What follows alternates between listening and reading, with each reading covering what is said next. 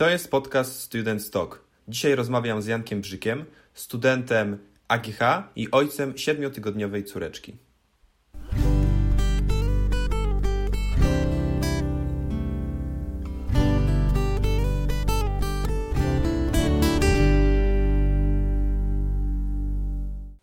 E, Janek, jesteś tak, e, studentem na czwartym roku na kierunku i jesteś w, na, na, stud, na uczelni AGH, tak? Czyli to jest tak, Akademia Górnicza, Akademia Górnicza tak, tak. tak, w Krakowie. E, więc jesteś na kierunku automatyka, przemysłowa i robotyka na czwartym roku. Zgadza się. 23 lata, trzy koła naukowe, e, siedmiotygodniowa córeczka, tak. zaraz do tego przejdziemy. Tak, tak. E, zawodo można zapowiedzieć, czy zawodowo, niezawodowo grasz na pianinie, po prostu wygrałeś kopalnię talentów e, AGH. Drugie miejsce. E, Okej. Okay. Laureat konkursu na najlepszą pracę inżynierską, no, stypendium naukowe. Mhm, tak, Okej. Okay. Stypendium naukowe i projekt Wall E 2.0, zobaczymy o co chodzi. Dobra. Dobrze, ale chcę zacząć od tego, masz 23 lata, yy, masz 7, 7-tygodniową córeczkę za drzwiami, co robisz? Słychać Jak ją teraz, czy nie? Nie, teraz okay. nie. Ale wiem, że jest. Dobra. Jak wygląda moje życie? Yy, może zacznę od tego, że yy, dużo osób, wiesz, takich pseudoekspertów, yy, jak słyszy o yy, młodych rodzicach, to jest coś takiego, albo nie wiem, młodych rodzicach, którzy się spodziewają dziecka, na przykład są w ciąży, jest coś takiego, że o, jak wasze życie się zmieni, macie przerąbane z tego powodu i z tego, nie wiecie co to będzie, co będą za obowiązki. Często takie osoby nawet nie mają swoich dzieci. E, no i przede wszystkim jest to, to zdanie pod tytułem e, ale wasze życie się zmieni, ale będzie tragedia, coś tam, coś tam, nie? E, I, i my z tym, z, z tymi opiniami przez, przez okres ciąży no, musieliśmy jakby być, powiedzmy. I okazało się, że jakby nie ma, po pierwsze nie ma tragedii, nie? To jest, to jest główna rzecz. Znaczy, oczywiście głównym, głównym elementem tej całej układanki jest to, że każde dziecko jest inne.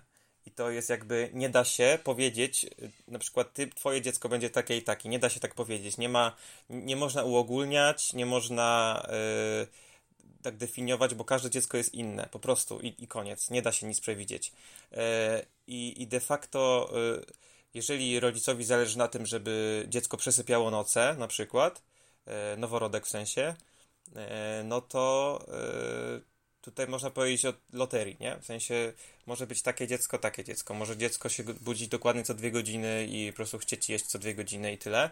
A może być dziecko takie jak Łucja, czyli moje dziecko, e, która tak naprawdę mając te 7 tygodni skończone, wydaje się tak jakby miała ten rytm dobowy, dobowy, chociaż to jest biologicznie niezbyt prawdopodobne. W sensie Wiadomo, że małe dzieci nie mają jeszcze tego rytmu dobowego, a my jakimiś takimi rutynami i, i, i różnymi zabiegami, e, zabiegami sprytnymi, e, mi się wydaje, że też trochę na to wpłynęliśmy, że ona faktycznie przesypia większość nocy i, i nie ma takiego problemu. Nawet e, zrobiliśmy sobie rezerwową sypialnię, na przykład gdybym ja miał e, jakieś ważne egzaminy czy coś, żeby się przespać, wiesz, po prostu 8 godzin ale okazuje się, że nie ma takiej potrzeby w ogóle. Do, do, dobrze, jesteśmy podzieleni obowiązkami w nocy, z karmieniem, odbijaniem, przebieraniem pieluchy i tak dalej, więc super to ogarniamy organizacyjnie, więc w ogóle jest super i nie ma wcale tragedii yy, i wcale życie się nie zmieniło aż tak, jak mogłoby się wydawać. W sensie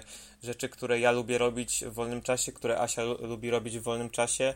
Yy, oczywiście tryb dnia się zmienił, ale ale nie zatraciliśmy siebie w tym, w tej całej sytuacji i jesteśmy po prostu 2 plus 1 teraz, nie? I jest wszystko super. E, przed tym chciałem Cię zapytać, czy właśnie, czy to nie jest tak, że jak masz teraz córeczkę, która już ma prawie dwa miesiące, to to nie jest tak, że Ty nie śpisz od dwóch miesięcy, ale okazuje się, że tak jak mówisz, w miarę to ogarnęliście Zasią, swoją partnerką. Znaczy powiem Ci tak, powiem Ci tak, yy, yy, pandemia jest, więc no, na wielkie, wielkie nieszczęście ja nie mogłem być w ogóle wejść do szpitala. Jakby przed porodem, w trakcie porodu, po porodzie nie mogłem po prostu z definicji, niestety, bez żadnych Co ty wyjątków. mówisz? To nawet nie mogłeś być przy porodzie? to jest... Nie, nie, nie mogłem być, yy, ponieważ było to cięcie cesarskie, yy, wymuszone niestety nie na żądanie oczywiście, tylko wymuszone położeniem dziecka w brzuchu, nie? Cięcie cesarskie i przez to, że to była operacja cięcie cesarskie, ja nie mogłem być na miejscu. Z tego co wiem, w tym szpitalu dopuszczają porody rodzinne w trakcie pandemii, że ojciec jest przy porodzie i przez 2-3 godziny może być jeszcze po porodzie i potem go wypraszają na, na te parę dni. I nie może odwiedzać. A ja nie mogłem w ogóle wejść. Więc to strasznie smutne i to jest temat na oddzielną rozmowę, jakby Y, porównanie na przykład takich sytuacji z, z, innymi rzeczami, które można robić w trakcie pandemii. Wiesz, jakby. Dobra, to tylko wtrącę to jedno zdanie. Jakby chyba właśnie po to są te wszystkie restrykcje, żeby takie sytuacje jak ojciec mogący być przy porodzie mogły być możliwe. Wiesz o co chodzi, nie? Że po to zabraniamy ludziom to, to i to, żeby te wyjątkowe sytuacje cały czas mogły być w życiu, nie? No ale to już mniejsza z tym. E, już, już się skończyłem na to wkurzać, bo już minęło dużo tygodni. E, I e, wracając do tematu, mówiłem o tym, że ja tak naprawdę jak te dziewczyny były te 4-5 dni, niecałe 5 dób w szpitalu, to ja wtedy nie spałem. I nie dlatego, że nie wiem, martwiłem się, nie, nie byłem zniecierpliwiony, tylko ja bałem się, że jak one wrócą, to będzie, wiesz, właśnie nie będzie czasu na nic, będzie masakra, więc jak tylko się dało dużo, robiłem na studia do przodu, e, żeby to wyrobić, bo u nas pierwszy semestr magisterki jest bardzo trudny e, i to wiadomo. E, I jest faktycznie, już się kończy na, na, na szczęście, ale jest bardzo trudny. I okazało się, że ja nie spałem, nie spałem, nie spałem, bardzo krótko spałem. One wróciły, zepchnąłem studia na później, prowadzącymi często szli na rękę, żeby zepchnąć jakieś terminy na później, dzięki, dzięki temu, że Łucja się urodziła. W ogóle propsy dla, dla wszystkich. Pozdrawiam. Świetne, świetne. Nie słuchają świetne. tego pewnie. Będą e, tego słuchać, obiecuję ci to. I, i, okay. I okazało się, że okazało się, że odwrotnie jest, nie? Że Lucja nagle się pojawiła w domu i ja w 100% się skupiłem na właśnie na moich dziewczynach e, i zacząłem sypiać, w sensie nagle zacząłem spać więcej. E, zacząłem spać więcej i przestałem spać, kiedy z powrotem wróciłem do studiów, nie? W sensie e, przestałem te nocy tak po prostu tak przesypiać w momencie, kiedy już ogarnęliśmy się z Asią i ja mogłem zacząć nadrabiać zaległość i wtedy znowu przestałem jakby e, spać zdrowo niestety. Mam nadzieję, że tego wrócę niedługo. Bo wszystkie zaległości na studiach to były projekty indywidualne i sprawozdania indywidualne, jakieś rzeczy, bo wszystkie rzeczy grupowe, robiłem na bieżąco, bo nie chciałem jakby moich kolegów y, trzymać, czy być jakąś kulą u nogi, więc robiłem tylko i wyłącznie przez pierwszy miesiąc życia Łucji y, rzeczy grupowe, a wszystkie indywidualne y, z pomocą prowadzących zepchnąłem na tak naprawdę mhm. dziś, na, na te ostatnie tygodnie semestru. No i teraz mam tak naprawdę jeszcze gorzej, no bo teraz dopiero jakby to nadrabiam i mam bardzo dużo na głowie, no ale wszystko jest jak najbardziej do opanowania. Jak chcemy, to wszystko da się zrobić. No dobra, słuchaj, ale umówmy się. Jak się pojawiła Łucja, priorytety się zmieniły. To na pewno nie jest tak, że. Zdecydowanie się Dokładnie. Zmieniło. Czyli ca całe, całe to Twoje życie zmieniło się, może nie tak jak o 180 stopni, tak jak mówisz, ale trochę się zmieniło. I w jaki sposób wy, okej, okay, początek tego podcastu będzie na pewno dla osób, które są troszeczkę tak bardziej zaanga zaangażowane w związki, właśnie w planowanie rodziny. Chcecie słuchać, słuchajcie, nie, no to poczekaj, to, A mogę, to mogę dygresję no, dawaj, szybko? dawaj, dawaj. Mogę szybko, szybką dygresję? Yy, to jest cieka ciekawa strasznie zależność. Yy, wszyscy moi koledzy, znaczy, dobra, praktycznie większość moich kolegów, którzy są sami, nie mają dziewczyn, jak się dowiedzieli o ciąży i tak dalej, to było wow, ale super, ale czad, Janek, ale super, ale super, coś tam, coś tam, wiesz. A wszyscy z kolei, zdecydowana większość kolegów, którzy mają dziewczyny, to wiesz, było takie okej, okay, okej, okay, no rozumiem, okej, okay, no to życzę wam szczęścia, wiesz, takie, to było takie śmieszne. Okej, okay, mów, mów, sorry, e, taka Tak, więc, więc co chciałem powiedzieć, że yy, zmieniły się priorytety, zmieniły się zadania w rodzinie, zmieniły się zadania w, zadania w domu, e, przy Łucji, no siedzicie prawdopodobnie większość czasu. Jak wy się dogadaliście? Stary, to jest miłość. To jest miłość, co nie? Miłość to jest. Jak, kiedyś to usłyszałem. Kiedyś usłyszałem coś takiego, że miłość to nie jest uczucie, tylko to jest umiejętność. Czyli kto wyrzuci śmieci, kto przebierze dziecko, kto zrobi zakupy, to jest miłość.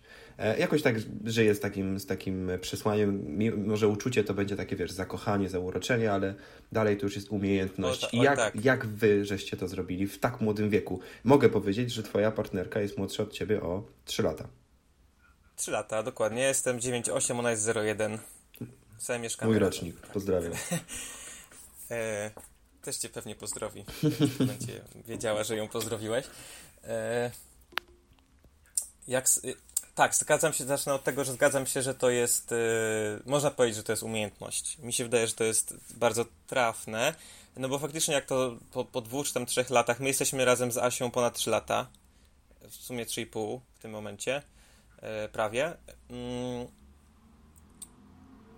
wydaje mi się, że yy, to zauroczenie faktycznie po takich dwóch, no różnie, ale mija, tak? Jakby to takie pierwsze motylki w brzuchu i wszystko. I faktycznie y, dwie osoby, szczególnie które razem zamieszkają, bo to jest według mnie bardzo istotne, żeby poznać się w 100%, trzeba razem zamieszkać i tyle. E, trzeba y, dzielić obowiązki, trzeba to wszystko jakby, wiesz, wejść w swoje życie, żeby poznać siebie, żeby potem się nie okazało za 10 lat, że a, ty jesteś taki, nie wiedziałam, no to rozwód, nie? Ważne jest, żeby się poznać e, w takim sensie bardzo głębokim.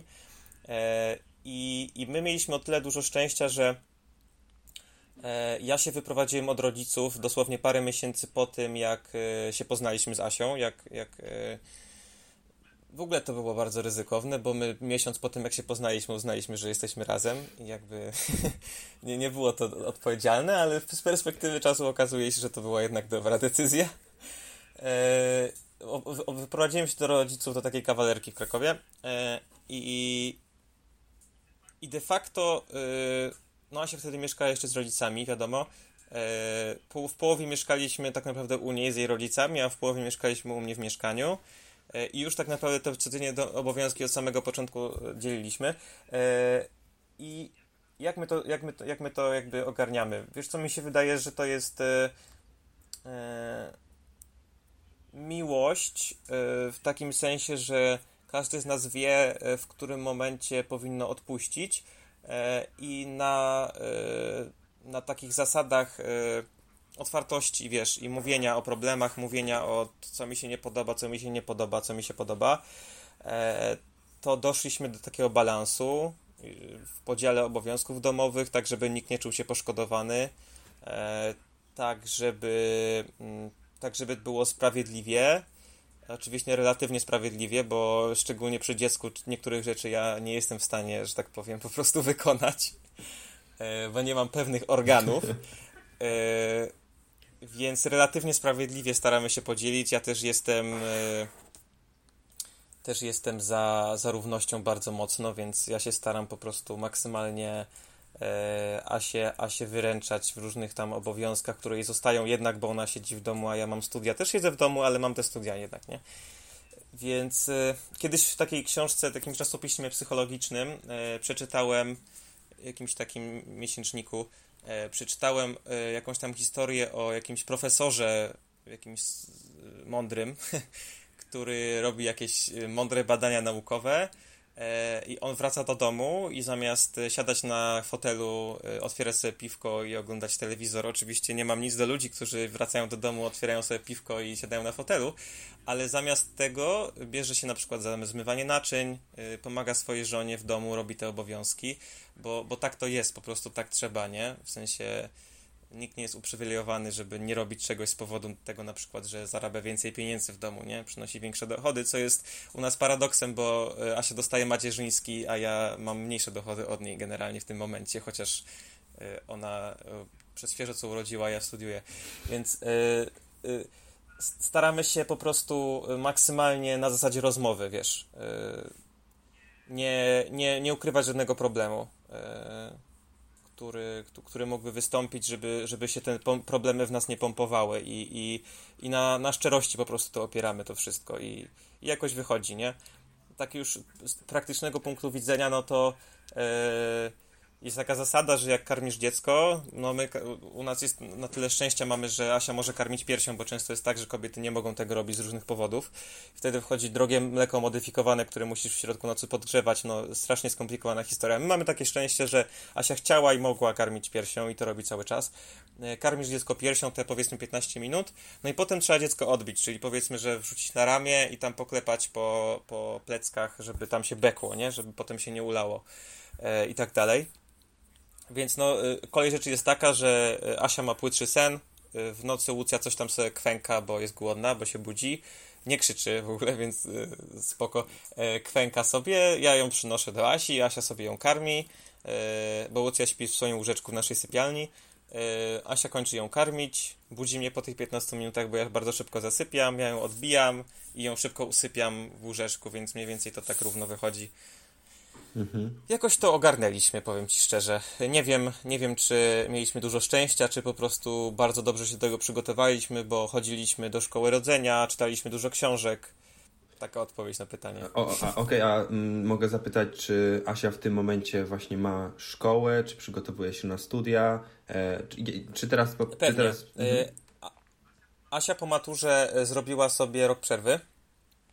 E, Asia po maturze zrobiła sobie rok przerwy e, i teraz będzie, nie wiem czy można powiedzieć, dostawać się, bo raczej jak chcesz się dostajesz, do szkoły policjalnej na.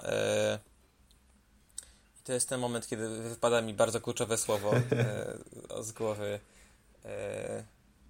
No generalnie e, praca w kwiaciarni i potem jakiś rozwój e, tego typu. Okay. Szkoła, szkoła, poli, szkoła policjalna i, i zabij mnie, zapomniałem tego słowa. Dobra, dobra, dobra, nieważne, nieważne. Generalnie kwiatki, nie? Kwiatki, ekspert w kwiatkach, kwiatki e, ona chce być tą kobietą, która jest bohaterką dla mężczyzn podczas Dnia Matki, czy tam Dnia, e, dnia Kobiet. Okay. Jakby e, ona, ona marzy, żeby być w tej sytuacji jako ta, która mówi no, ja tu panu dobiorę taki wiosenny bukiet dla, dla pana żony, bo taki jest ładny a facet obok niej stoi i nie wie, co się dzieje, nie wie, co to jest róża, nie wie, co to jest e, go, tylko zdaje się, wiesz, zdaje się na, na tą panią w sklepie, w kwiaciarni, więc... Mhm. No i pewnie za pół godziny ci powiem, bo mi Dobra, dobra, okej, okay. idźmy dalej, idźmy dalej. Okej, okay. pojawiła się Lucja, łączysz to ze swoimi studiami. Przypomnę, że e, czwarty rok, zmieniły się priorytety.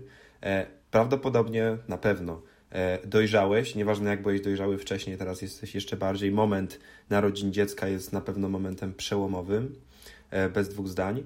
Jak łączysz to? Teraz już idźmy do tematu tego, że na przykład należysz do trzech kół naukowych u siebie na uczelni.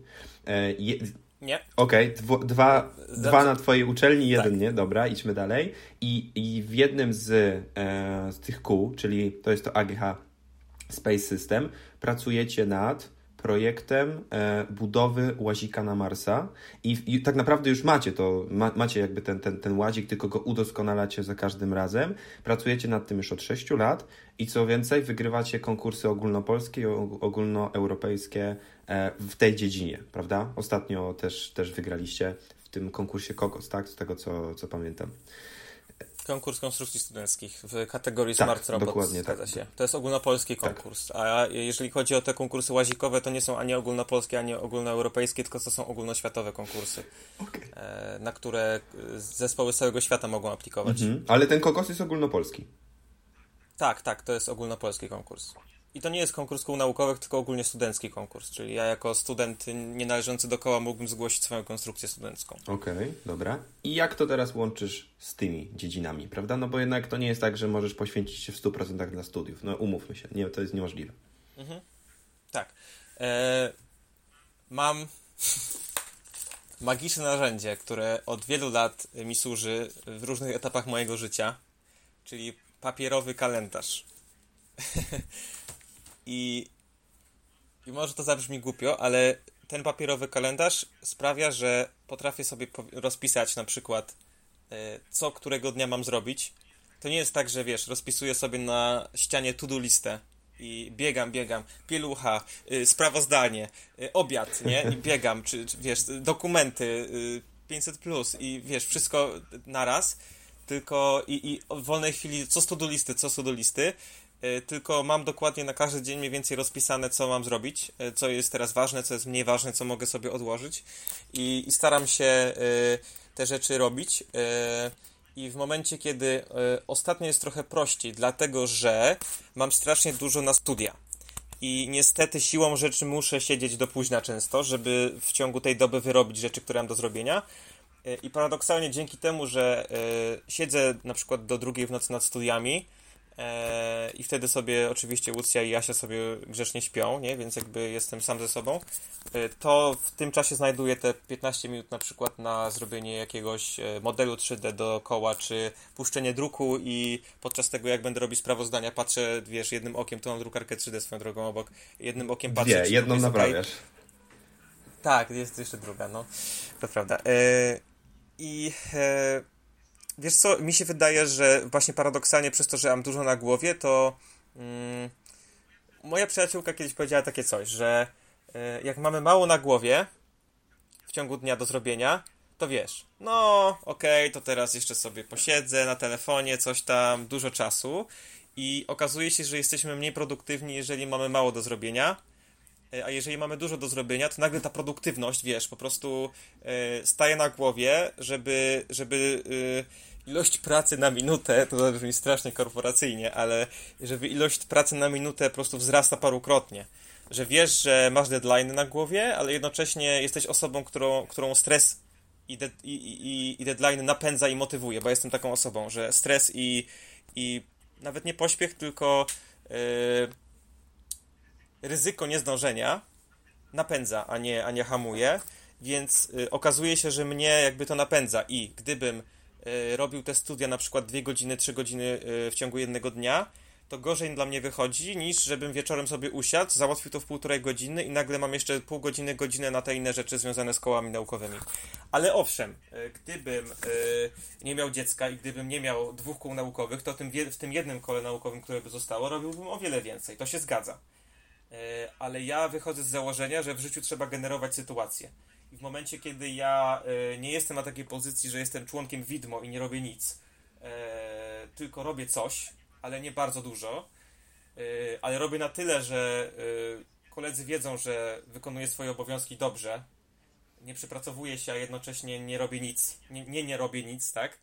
E, to, to jest ok. W sensie to jest taka sytuacja, w której y, ja mam dużo możliwości, dużo poznaję ludzi, a jednocześnie nigdzie nie jest tak, że jestem takim członkiem widmo, czy, czy ktoś może stwierdzić, że a on tutaj jest z nami i nic nie robi w porównaniu do nas, mhm. nie?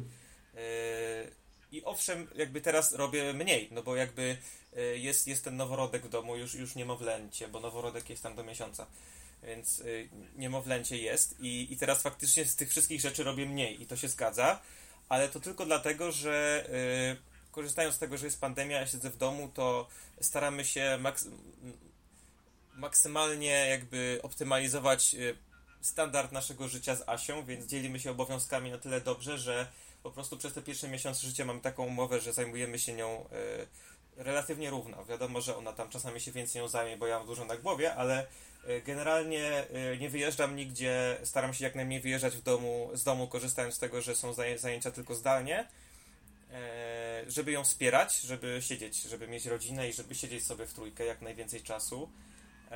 A mi się wydaje, że jakiś taki sierpień, w którym na przykład jest wyjazd do Kanady, AGH Space Systems mamy te zawody, to już będzie moment, w którym będę mógł sobie pozwolić na, wiesz, na, na jakieś wyjazdy większe i, i więcej obowiązków, które sobie rzucę, y, takich jakichś bardziej niezwiązanych ze studiami. Swoją drogą strasznie wkurzający jest ten semestr, bo tyle rzeczy bym zrobił, a trzeba robić sprawozdania. No ale to już też inny temat. E, słuchaj, dwie sprawy co do tego. E, po pierwsze, u mnie w rodzinie mawia się, mawia się tak, że mm, jeżeli mamy dużo czasu wolnego i nie, nie, nie mamy właśnie na przykład w kalendarzu wszystkiego zaplanowanego, tylko po prostu mamy dużo czasu wolnego, to jest wtedy czas na szukanie problemów tam, gdzie ich nie ma. Po prostu u nas jest taka jakaś zasada, że, znaczy zasada, tak się przyjęło u nas w rodzinie, że po prostu wszystko mamy, każdy członek rodziny ma wszystko zaplanowane w kalendarzu, nawet mamy kalendarz rodzinny, i po prostu każdy okay. wie, nawet może to będzie podpowiedź dla Ciebie, nie? No bo jeżeli teraz będziecie po prostu mm, poszerzać tą rodzinę, będziecie mieli coraz więcej osób pewnie, teraz jesteście w trójkę, no ale dobra, załóżmy, że Łucji tutaj jeszcze, jeszcze do tego nie zalicza, ale pewnie razem z Asią, to na przykład właśnie robienie czegoś takiego, że kalendarz rodzinny, ustalanie wspólnych właśnie rzeczy w, w takim grafiku, u nas to się sprawdza. A druga rzecz, e, kiedyś moja siostra mi tak powiedziała, jakoś tam rozmawialiśmy na temat tego, że my generalnie dużo robimy, tak? Że też jesteśmy osobami, które robią bardzo dużo, nie tylko na studia, ale poza.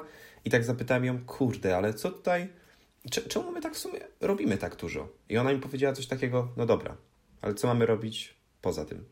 Czemu, czemu mamy tego nie robić? Czemu mamy nie robić tak dużo? No i w sumie do mnie tak doszło, no w sumie faktycznie, czemu mamy nie robić tych rzeczy? Czemu lepiej wziąć telefon, posiedzieć na fejsie czy coś tam, czy lepiej, nie wiem, obijać się, po co? Prawda? No, czemu, czemu tego nie robić? E, więc a jeżeli cały czas e, słyszę gdzieś tam wokół, wokół siebie takie głosy, no tak, ale to jest ten tak coaching, e, just do it, teraz to robimy, tak, just tak, dokładnie. Tak Krok pierwszy, rób to. Nie, no to nie ma żadnego jakby punktu tutaj zaczepienia, no umówmy się. To jest planowanie w kalendarzu, to nie jest tak, że my, e, nie wiem, wkładamy się w jakieś ramy i jesteśmy niewolnikami tego kalendarza. Okej, okay, jakby patrząc na siebie, miałem czas, kiedy miałem moment w moim życiu, kiedy byłem takim niewolnikiem mojego kalendarza i rozmawiałem z wieloma osobami na ten temat, bo miałem z tym problem, bo faktycznie byłem mniej radosny i szczęśliwy. To są zwyczajne problemy osoby, która pewnie wiele osób, które nas słucha, miały tak, mia, mają takie problemy, które planują sobie w kalendarzu i potem czują, czują się takim niewolnikiem tego, co zaplanowali, prawda? No bo okej, okay, tutaj godzinę 15, mam jeszcze 4 minuty na e, fiszki, dlatego że za 4 minuty zaczynam zajęcia, coś tam, coś tam. I faktycznie tutaj. Aj, aj, to faktycznie Tak, tak. I, i, I, miałem taki moment, i tutaj myślę, trzeba nauczyć się właśnie takiego balansu. Na przykład, słuchaj, patrząc na mnie, to ja co trzy tygodnie około, co trzy tygodnie zmieniam, jakby to powiedzieć, e, zmieniam sposoby planowania w kalendarzu. Zmieniam sposoby planowania w kalendarzu. Czasami przerzucam się na listę to do, czasami przerzucam się na to. Po prostu ja lubię tak zmieniać, bo co trzy tygodnie tak mniej więcej obliczyłem to, denerwuje mnie to, co ja mam w kalendarzu, że czuję, że już powoli idę w stronę takiego niewolnictwa, zmieniam to, znowu trzy tygodnie mam jakiś inny system, po trzech tygodniach wracam do czegoś i w taki sposób radzę sobie, ale cały czas wszystko jakby planuję w kalendarzu. Bez tego kompletnie nie widzę mm, dla mnie jakiejś takiej sytuacji. Nie, nie, nie czuję się, żebym dobrze wykorzystywał ten czas, jeżeli tego nie mam zaplanowanego prawda? To jest... A ty powoli stajesz się mistrzem, przecież to studiujesz, nie? Jakby to jakby... To jest oczywiste, nie? Że testujesz, patrzysz co jest, co działa, co nie Dokładnie i, i faktycznie tak. Poświęcasz czas na... Możesz poświęcać czas na to, żeby robić research na jakie są metody, tak, nie? No bo... Tak, dokładnie tak, dokładnie tak, dokładnie tak, tak. tak. To jest niesamowite, niesamowite. Okej, okay, słuchaj, idźmy dalej. Tutaj, co ja tam jeszcze mam tutaj zapisanego? E, bardzo zaskoczyło mnie to pianino. Sam gram na gitarze, ale ty tutaj widzę, byłeś, zająłeś drugie miejsce w tej kopalni talentów na pianinie. E, skąd, dlaczego i kiedy? kiedy ty znalazłeś czas na to, stary? Czy to wcześniej było, czy to już od e, dzieciaka po prostu grasz? Oj, od dzieciaka. To była pierwsza rzecz. E, to była pierwsza taka moja rzecz. E, nawet. Na... Czyli Łucja, Łucja też już gra na pianinie, czy jeszcze nie? Nie, jeszcze nie, jeszcze nie gra. Mi się wydaje, że ma jeszcze za małe rączki. Ale w ogóle myśleliście na przykład na tym, że za jakiś tam, nie no, oczywiście nabijam się, ale że za jakiś tam czas po prostu... Mm... Nie, oczywiście, że trzeba, trzeba takiemu dzieciakowi w odpowiednim momencie rzucać różne propozycje tych zainteresowań i hobby i to nie jest tak, że ja mam presję, żeby, że ona musi grać na pianinie. Oczywiście byłbym w niebo wzięty, gdyby polubiła granie na pianinie, ale jeżeli ona powie, że nie chce i na przykład chce grać w tenisa, i mnie będzie na to stać przy okazji, to powiem ok, nie? Yy, ja, jeżeli chodzi o ten mały fragmencik wychowywania dziecka, to ja mam, planuję jakby rzucać jej yy, raz na jakiś czas jakieś hobby, jakieś zainteresowanie, nawet nie moje, tak żeby ona, wiesz, miała z czego wybrać, bo to jest fajna rzecz, potem może się rozwinąć i na przykład wygrać taki wielki czek, który tutaj mam w tle za drugie miejsce, nie zmieściłby się na ekranie, słuchaj. tak, tak mnie motywuje za monitorem, nie? Yy, i to jest fajne, że, że, że, że tak można zrobić. Yy, a z tym pianinem pierwsza klasa podstawówki. Yy, nie wiem, czy to, wiesz, rodzice mi powiedzieli, że, że fajnie było grać na czymś, czy, czy, czy ja sam sobie to wymyśliłem, ale ja sobie zamarzyłem, takie, takie dziecięce yy, widzi mi się, że ja chcę grać na perkusji. Ja chcę grać na perkusji i koniec. A mieszkaliśmy z rodzicami, zresztą, którzy cały czas tam mieszkają w kamienicy w centrum Krakowa. I jakby mało chyba, średnio im się widziało, żebym ja, wiesz, kupował swoje perkusje, pełny zestaw, czy, czy, czy dla sąsiadów to nie byłoby zbyt optymalna wersja, więc zamiast tej perkusji, z tego co mi opowiadali potem, to zamiast tej perkusji mi, mi to pianino, wiesz, pod, pod palce. Jeszcze w pierwszej klasie podstawówki pani od muzyki mogła uczyć mnie pianina po tam, po, po zajęciach jeszcze w podstawówce. No i po roku to pykło, bardzo to polubiłem i moja mama gdzieś znalazła ponad stuletnie pianino za jakieś grosze, które kupiła, strunowe pianino do, do, do kamienicy, które tam e, w tym momencie jest takim moim, taką moją ambasadą, bo parę tam miesięcy po wyprowadzce zgodziłem się, żeby moi rodzice kompletnie rozwalili mój pokój i zrobili z tego jakieś takie kompletnie co innego, więc mój pokój w moim rodzinnym domu już nie istnieje.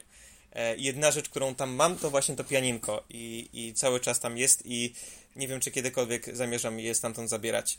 E, I grałem sobie, grałem, e, różnych rzeczy próbowała moja mama, w sensie na początku były jakieś lekcje indywidualne co tydzień w domu, jakaś pani przychodziła, znajoma, potem jakaś pani coraz lepsza z jakichś tak szkół, szkół muzycznych i tak dalej, ale nigdy nie posyłała mnie do szkoły muzycznej. Nie wiem czemu, znaczy teraz już rozumiem czemu, ale wtedy myślę, że. Nie, nie wiem, ale w każdym razie potem y, pani, która do mnie przychodziła raz w tygodniu, bardzo mnie pchała w stronę muzyki klasycznej. I pamiętam ten moment, kiedy dwa miesiące się męczyłem z utworem Ave Maria i po prostu już wymiotowałem, żygałem tym utworem i nie mogłem y, to, tą klasyczną muzykę. Klasyczna muzyka jest piękna, ale na tamtym etapie tak bardzo mi to nie pasowało. Miałem jakieś 14 lat pewnie wtedy. E, I po prostu rzuciłem to. E, zrezygnowałem z tych lekcji, była jedna wielka dziura i e, po prostu mojej mamie dziękuję, bo pewnie będzie tego słuchać.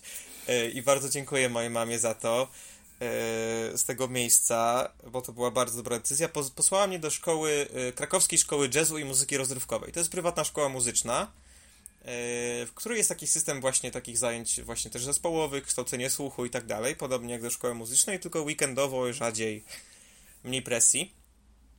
E, ja do tej szkoły chodziłem, moje ulubione były zajęcia jeden, do, jeden na jeden z, z panem, e, z panem Piotrem, który nauczył mnie improwizować. Nauczył mnie postaw jazzu i nauczył mnie improwizować. I ja po dwóch latach w tej szkole jakoś jak już byłem taki 16 lat powiedzmy, jakoś tak coś we mnie przeskoczyło, że nie chcę iść tą drogą też, że, że to nie jest moja droga i że ja już nie chcę tam chodzić. E, I tak szybko, żeby nie przedłużać, poznałem wtedy, ja byłem w trzeciej liceum, w pierwszej klasie liceum, w takim liceum krakowskim, do którego chodziłem i w którym też poznałem Asię swoją drogą, w tym liceum też jako absolwent już, bo trzy lata różnicy to się nie spotkaliśmy, nie? E, był taki Zbyszek, e, mój dobry przyjaciel do tej pory, który też przyszedł do pierwszej liceum, grał na pianinie. Na początku roku szkolnego ja założyłem, chciałem założyć zespół szkolny jako trzecioklasista. Kozak na pianinie, wiesz, e, zakłada zespół muzyczny. E, I na, ten, na tą próbę pierwszą, na to spotkanie przyszedł też pianista. Ja wiesz, taki zgrzyt miałem i było takie o o. Bitwa. I przez pierwsze 10 minut to była taka atmosfera rywalizacji, ale już po 10 minutach, wiesz, się to jakoś tak znaleźliśmy mega wspólny język.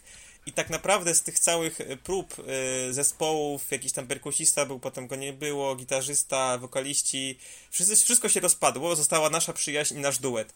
I słuchaj, stary, my zaczęliśmy grać na cztery ręce, bez przygotowań. On też zaczął wtedy chodzić do tej szkoły jazzowej, więc nauczył się improwizować. Inspirowaliśmy siebie nawzajem i mieliśmy jakiś tam guru na YouTubie, jakiś taki Lucas Estak albo Peter Benz, to nie wiem, może ktoś skojarzy. Yy i, i, i bez żadnych tak naprawdę backupów, bo on przestał też do tej szkoły chodzić po jakimś czasie.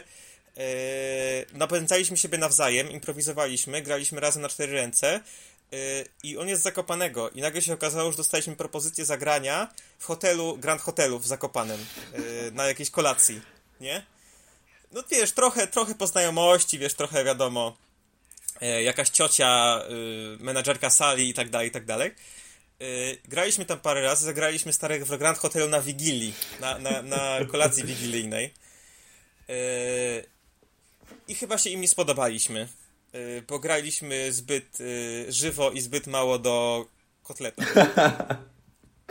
Bo, bo, bo wymyślaliśmy bardzo, wiesz, zamiast grać sobie tak w tle. I, i słuchaj, tego samego wieczoru, kiedy graliśmy tam ostatni raz, poszliśmy y, za poleceniem taty Zbyszka do piano baru. I to jest taki bar na Krupówkach, bardzo znany bar na Krupówkach, w którym jest pianino po prostu. Tyle. Y, I my tam poszliśmy i cztery godziny w, y, przez północy po prostu graliśmy tam na cztery ręce, piwo się przelewało, y, po prostu wszyscy tańczyli, y, wiesz, mega się im podobało. Po około jakiejś takiej pierwszej w nocy podeszliśmy do baru, była tam właścicielka i chcieliśmy ją zapytać, czy może grasowałoby ją, żeby nas, żeby mnie, nas zatrudnić, nie? Jako grajków co, co tydzień na przykład. Zanim zadaliśmy to pytanie, ona zadała to pytanie pierwsza, więc yy, zatrzymaliśmy się tam i paręnaście razy y, tydzień w tydzień tam graliśmy, jeżeli nie więcej. Zbieraliśmy y, pieniążki do kapelusza, bo ludzie byli w niebo wzięci. Raz y, po prostu jakiś gość nam wrzucił dwie stówy, po prostu. Jakby tak, Co ty gadasz? Nie, nie. I, i ludzie, ludzie po prostu kochali nas, bo wiesz, my, my y, zialiśmy taką młodą energią, y, taką improwizacją, wiesz, zamienialiśmy się miejscami. No to, co my tam robiliśmy, to był szczyt mojej kariery, jeżeli można ją tak w ogóle nazwać ją karierą. E, i, I parę razy się spotkaliśmy, na przykład też w Krakowie, w galerii, e, galerii Bronowice. Mam taką galerię, gdzie też stoi taki elektryczny fortepian, gdzie jest taka tabliczka e, umiesz grać? Tam spróbuj, nie? I tak dalej. Tego brakuje trochę w Polsce. E, w każdym metrze to jest na przykład w innych tam krajach. Takie pianina publiczne. W Krakowie jest takie jedno, z tego co mi wiadomo. I my tam sobie graliśmy i raz jakiś facet nam wrzucił nie zbieraliśmy pieniędzy. Raz jakiś tam facet nam dał dwie dychy, bo o, za Queena, za, za Queen, czy tam coś tam, wiesz, ale super. I raz jakiś dziadek też nam dał dwie stówy tak po prostu, bo stwierdził, że gramy tak dobrze, że coś tam przypominamy mu dzieciństwo, więc jakby te pieniądze były gdzieś tam w tle zawsze, ale przede wszystkim graliśmy dla ludzi, nie? I potem się przerzuciliśmy na granie na ulicy. To też jest fajny etap, bo graliśmy dla ludzi na ulicy, y, czy w Krakowie, czy zrobiliśmy sobie taki tour po Europie w stronę Włoch taki tygodniowy z graniem Austria, coś tam Słowacja i tak dalej. E, więc e, e, studia przyszły, trochę, trochę to pianino zeszło na dalszy plan.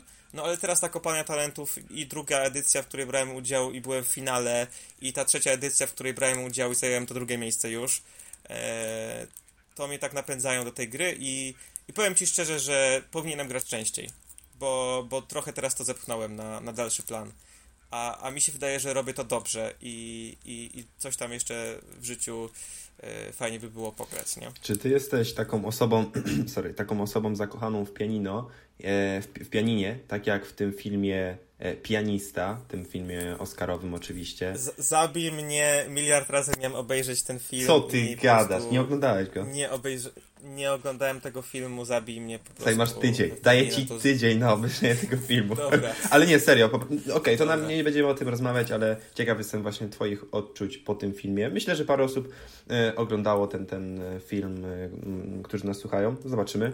Wiem mniej więcej o co chodzi w tym filmie i, i mi się wydaje, że znając streszczenie fabuły, yy, możliwe, że w jakimś tam stopniu takie uczucie do pianina yy, wyznaję. A, ale dlaczego, dlaczego nie podjąłeś decyzji idę dalej w to, tylko poszedłeś na takie studia na EGH? Ech, bo yy, zawsze chciałem zbudować robota, który poleci w kosmos. I cały czas do tego dążę, nie? Yy, trudne pytanie.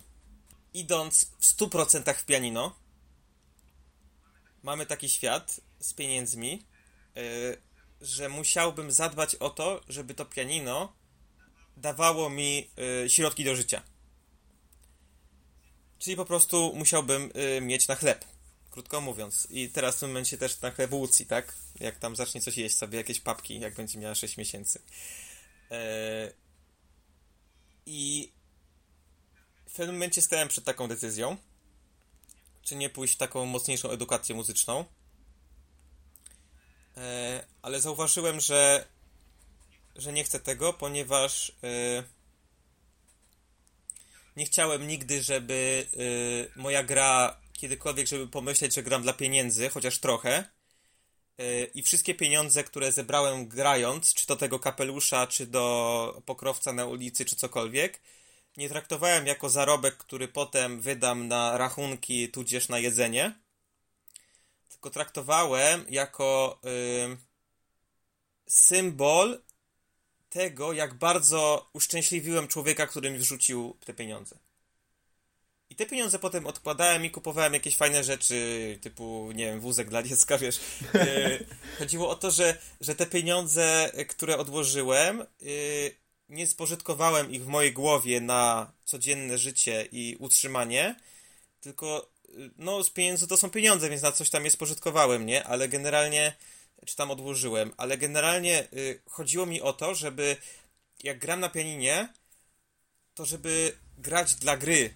I nie mówię, że osoby, które żyją z pianina nie grają na, dla gry, ale y, bałem się, że y, mój styl y, jest bardziej dopasowałem do, tej gry, do takiej gry dorywczej, bo ja wiem, że jak często na przykład y, grałem y, już sam, bez Zbyszka w takim jednym y, The Stage, bardzo polecam wszystkim, y, bar z bilardem, teraz się ledwo co z pandemii wygrzebują y, i zwolnili mnie, bo nie mają pieniędzy na pianistę. Y, ale przed pandemią się super tam grało, grałem tam raz w tygodniu.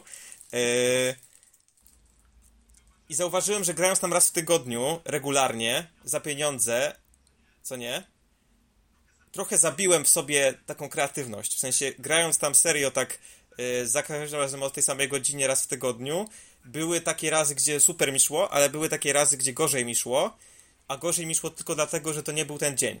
A w momencie, kiedy ja bym op oparł yy, cały swój zarobek o muzykę, to często byłyby takie dni, kiedy to nie byłby ten dzień.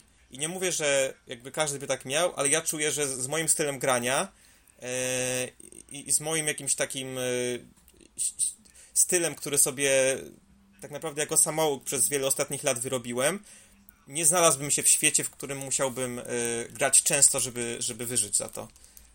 To. To jest totalnie dodatek i to jest totalnie hobbystyczne. I to jest totalnie dla ludzi i, i dla super sytuacji i super uśmiechów. Mhm. I nie, nie, nie, żałujesz tego, że podjąłeś taką decyzję? Totalnie nie żałuję. Nie, nie, nie. Totalnie nie żałuję.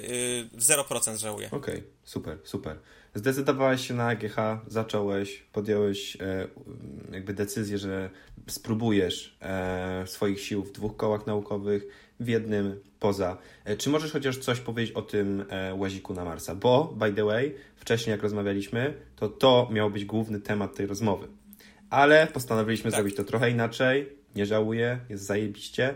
E, słuchaj, e, te, teraz właśnie temat tego, tego łazika na Marsa, bo to jest taka rzecz, która no, na samym początku bardzo mnie interesowała. Tak was znalazłem, tak znalazłem wasze koło, bo po prostu poszukiwałem osób, które będą w stanie w naszym kole po prostu zainspirować innych. I e, łazik. Od 6 lat, jak już wspomniałem, pracujecie nad tym projektem, wygrywacie te konkursy celem, tak jak ostatnio rozmawialiśmy, to nie jest po prostu sprzedać go czy coś takiego. Nie, to jest po prostu dla fanów, dla Was, dla Waszego rozwoju. E, czy możesz coś jeszcze o tym powiedzieć? Czy jest. E, właśnie, wa, w ogóle, w ogóle nie powiedziałeś jak po tym konkursie ostatnim, który był w tamtym tygodniu. Już, już, już, już powiem. E, to zacznę faktycznie. Łazik planetarny, nie, nie marsjański. E, on jest, e, nazywa się łazikiem planetarnym, no bo on jest zdecydowanie dostosowany do, warunki, do warunków ziemskich, tak jak każda inna konstrukcja studencka. E, no bo mamy warunki ziemskie, no jest to łazik planetarny. Może kiedyś na Marsa jakaś no, Ale jakby sprzedajecie, e, sprzedajecie go jako taką nazwę na Marsa. No z tego co pamiętam, jak czytałem na e, tym kokosie, no to oni tak to, tak to nazywali. No tak, no bo to jakby w czasach, kiedy to lądowanie Perseverance było bardzo nagłośnione e, publicznie, mhm. jakby to się, to się faktycznie wszystko, wszystko składa w, w jedną całość. No, łazik to łazik, nie? Jakby ważne, że jest, nie? To na jakiej planecie będzie tam jeździł, no to już inna sprawa. E, Virtual University Rover Challenge, czyli e, no chyba jedne z największych zawodów e, e na świecie łazikowych, przeniesione do strefy online, ale nie takiej, takiej strefy online e, na kompach, tylko każdy zespół e, z całego świata, nie chcę skłamać, nie bierzcie tego na poważnie, ale to było chyba 15 zespołów z 80, które próbowało się dostać. Na tym finale było 15. Mm. I chyba 15. No właśnie, właśnie nie jestem pewien, więc, więc tutaj y, nie, nie, daję, nie, nie, nie daję sobie ręki uciąć.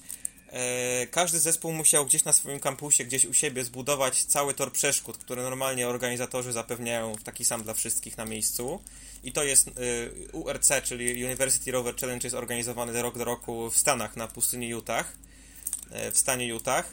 E, więc e, każdy zespół musiał tym razem, w, ty, w tym roku zbudować cały, cały tor przeszkód u siebie na jakiejś tam dużej połaci terenu. I my zbudowaliśmy faktycznie tor przeszkód i no, parę rzeczy nie wyszło, parę Ale rzeczy gdzie wyszło. Ale gdzie to zrobiliście?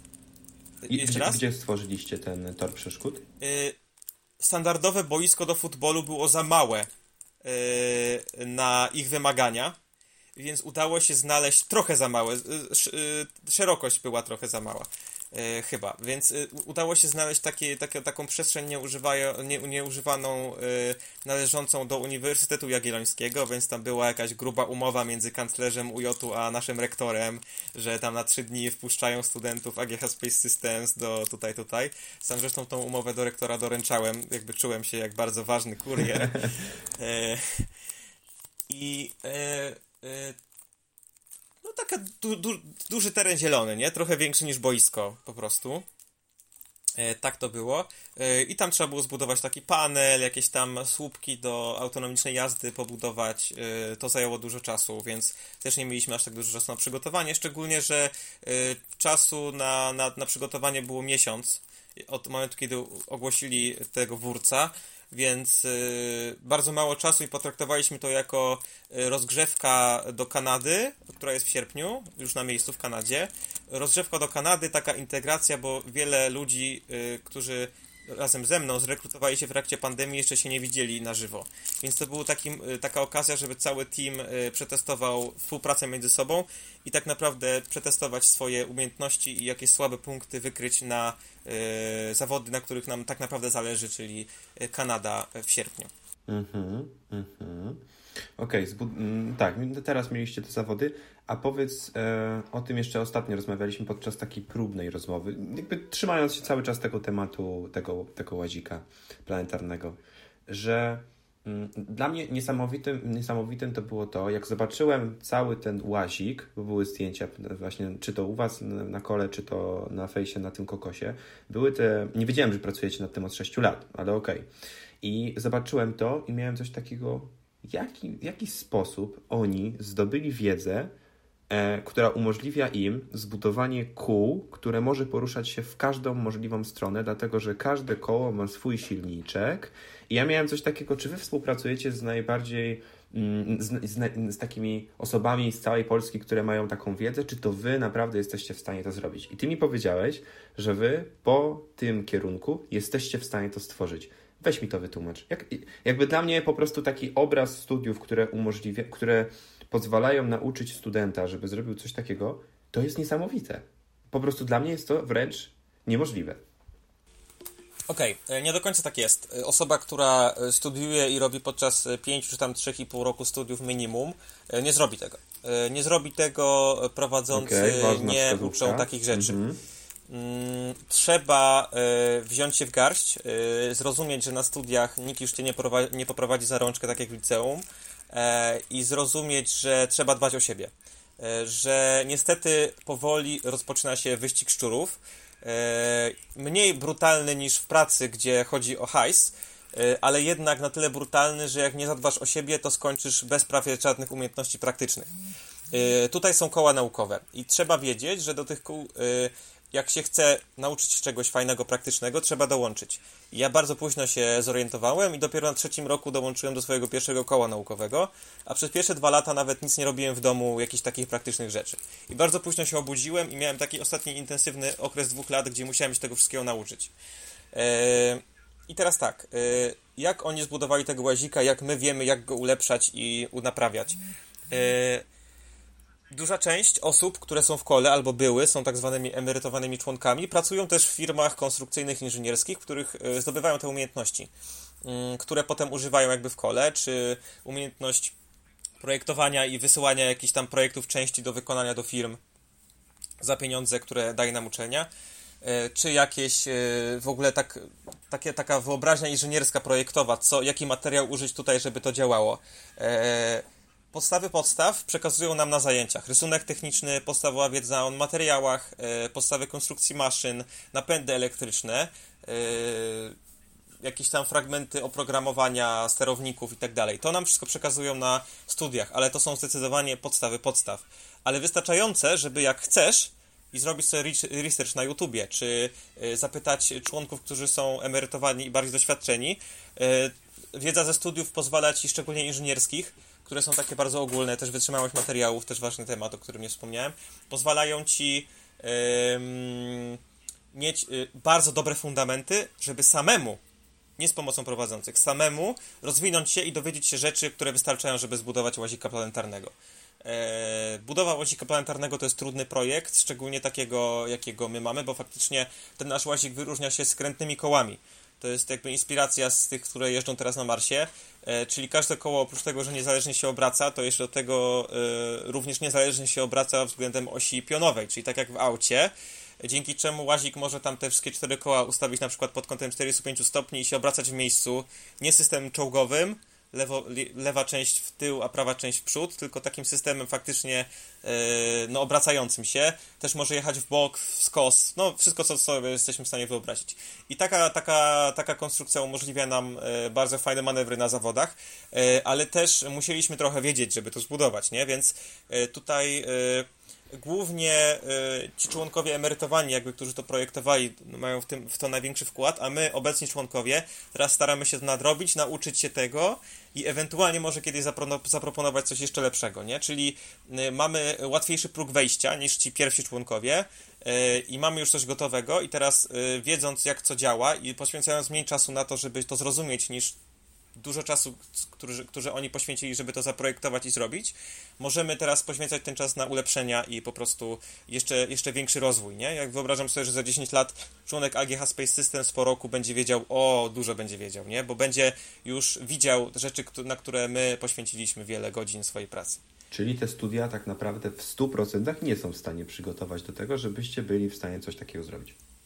Oczywiście, że nie. To jest specyfika, mi się wydaje, du dużej ilości studiów w Polsce że, że jednak zawsze brakuje. Czekaj, powiedziałeś w Polsce. Czy masz doświadczenie też za granicą, czy po prostu tak wiesz, rzuciłeś? A nie, tak, tak, tak, tak rzuciłem, bo, bo mam dużo znajomych po różnych kierunkach yy, mhm. i często narzekają. Yy, nie mam za bardzo znajomych yy, z zagranicy, studentów, prawie w ogóle. Więc to mogę Ci tylko powiedzieć, że w Polsce często jest tak, że jest taki niedosyt, że studia jedno, a w pracy nagle się okazuje potem, że trochę inaczej. I i studia najwię najwięcej co dają dla ludzi często to samodyscyplina i takie dorośnięcie, nie? Do, do, do, do zadbania o siebie. No, to tylko taka dygresja, to tutaj jeżeli byś chciał, to e, mogę cię tutaj odwołać, o, mogę cię odwołać do tej rozmowy, która jest u nas na podcaście Student Stock do rozmowy z Katariną. Ona właśnie studiuje w Londynie, więc jeżeli byś chciał, wiesz, byłbyś... Na LSI. Tak. A, czyli słuchałeś już. Ja słuchałem każdego odcinka, który był przed, przede mną. to nie było tematu. To nie było tematu. Super, super. Dobra. Idźmy dalej. E... Ilość tych referatów i egzaminów, dobra, to jakby to jest strasznie przerażające, no, tam się słuchaj, działo. Mnie też to, mnie też... E, ale okej, okay. dobra. Ja też byłem. Bardzo szanuję, ja nie? Jakby, I pozdrawiam bardzo, bardzo pozdrawiam. Ciekawy jestem. Mo może będzie tego słuchać, zobaczymy, zobaczymy. No. E, co po studiach? Co po takich studiach? Co takie studia są e. w stanie dać nam jako po prostu osobom, -hmm, które -hmm. myślą sobie, dobra, idę tutaj, żeby spróbować, żeby być w przyszłości tym? E, czy te studia są tak świetne, że zostaniesz zatrudniony wszędzie? Co po studiach? Na pewno y, niektórzy idą na studia, y, wiedząc, co będą robić po studiach. I to jest ok, co nie? Jakby nie, nie krytykuję tego, y, ale wiadomo, że jakby przez te lata studiów dużo jakby naszych, naszym życiu może się zmienić i te priorytety mogą się pozmieniać. I ja wychodzę z założenia, że im wcześniej w moim życiu wybrałbym moją wymarzoną drogę, E, tym byłoby to trudniejsze swoją drogą, ale im wcześniej, tym więcej dróg po drodze bym sobie zamknął. E, I ja jestem przykładem idealnym na e, tego, tego niezdecydowanego studenta, który cały czas się boi, że jak obierze jakąś drogę kariery, to mu przemknie obok jeszcze lepsza. Więc dopóki życie mnie nie zmusi, że tak powiem, siłą, czasowo, na przykład jak będę kończyć magisterkę, żeby wybrać sobie jakiś zawód, który oczywiście będę mógł potem zmieniać, nie? Jakby, bo to jest bardzo w, w, tych czasach y, responsywne, że no po prostu, wiesz, zmieniamy pracę. Nasi rodzice czy tam dziadkowie nie zmieniali pracy przez 30 lat. My teraz bardzo często zmieniamy pracę, z tego co czytałem, jakieś tam badania. Mm, wiesz co? Ja jeszcze nie wiem. Y, w sensie mam jakieś tam marzenia, które y, się zmieniają z czasem. Bardzo mnie kręci ten przemysł kosmiczny, bardzo mnie kręci inżynieria na rzecz ekologii, bo to też bardzo też może będziesz chciał mnie spytać o, o, o tą moją pracę inżynierską. Jakby w takich moich marzeniach po studiach y, trzepię się, miotam się bardziej między kosmosem a ekologią, wiesz, to jest takie dwa tematy, takie dwa marzenia w mojej głowie. Dwie branże, z którymi chciałbym mieć coś wspólnego. E, ktoś powie sprzątanie kosmicznych śmieci i będziesz miał wszystko, nie? Jakby, nie wiem, może. E, wiesz co, e, a co po studiach? Tak, nie skończę tego tematu, to co ja chcę robić, bo nie wiem po prostu, wiesz. a co po studiach moi koledzy i inni, wiesz co, po tych studiach automatyka przemysłowa i robotyka, czy automatyka, czy robotyka, czy cokolwiek. Bardzo dużo dróg, wiesz, bardzo dużo dróg. Ludzie idą w IT bez problemu. Nie studiując informatyki, idą w IT i sobie radzą świetnie.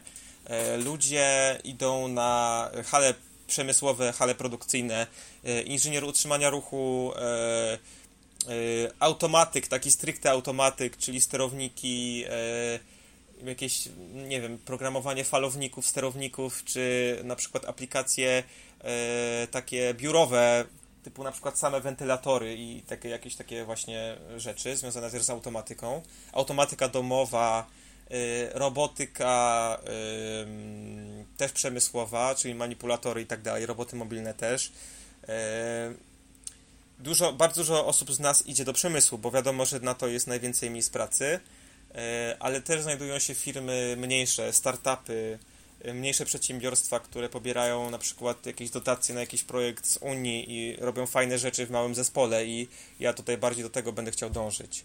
Przykładem może być taki fajny robot y, rehabilitacyjny.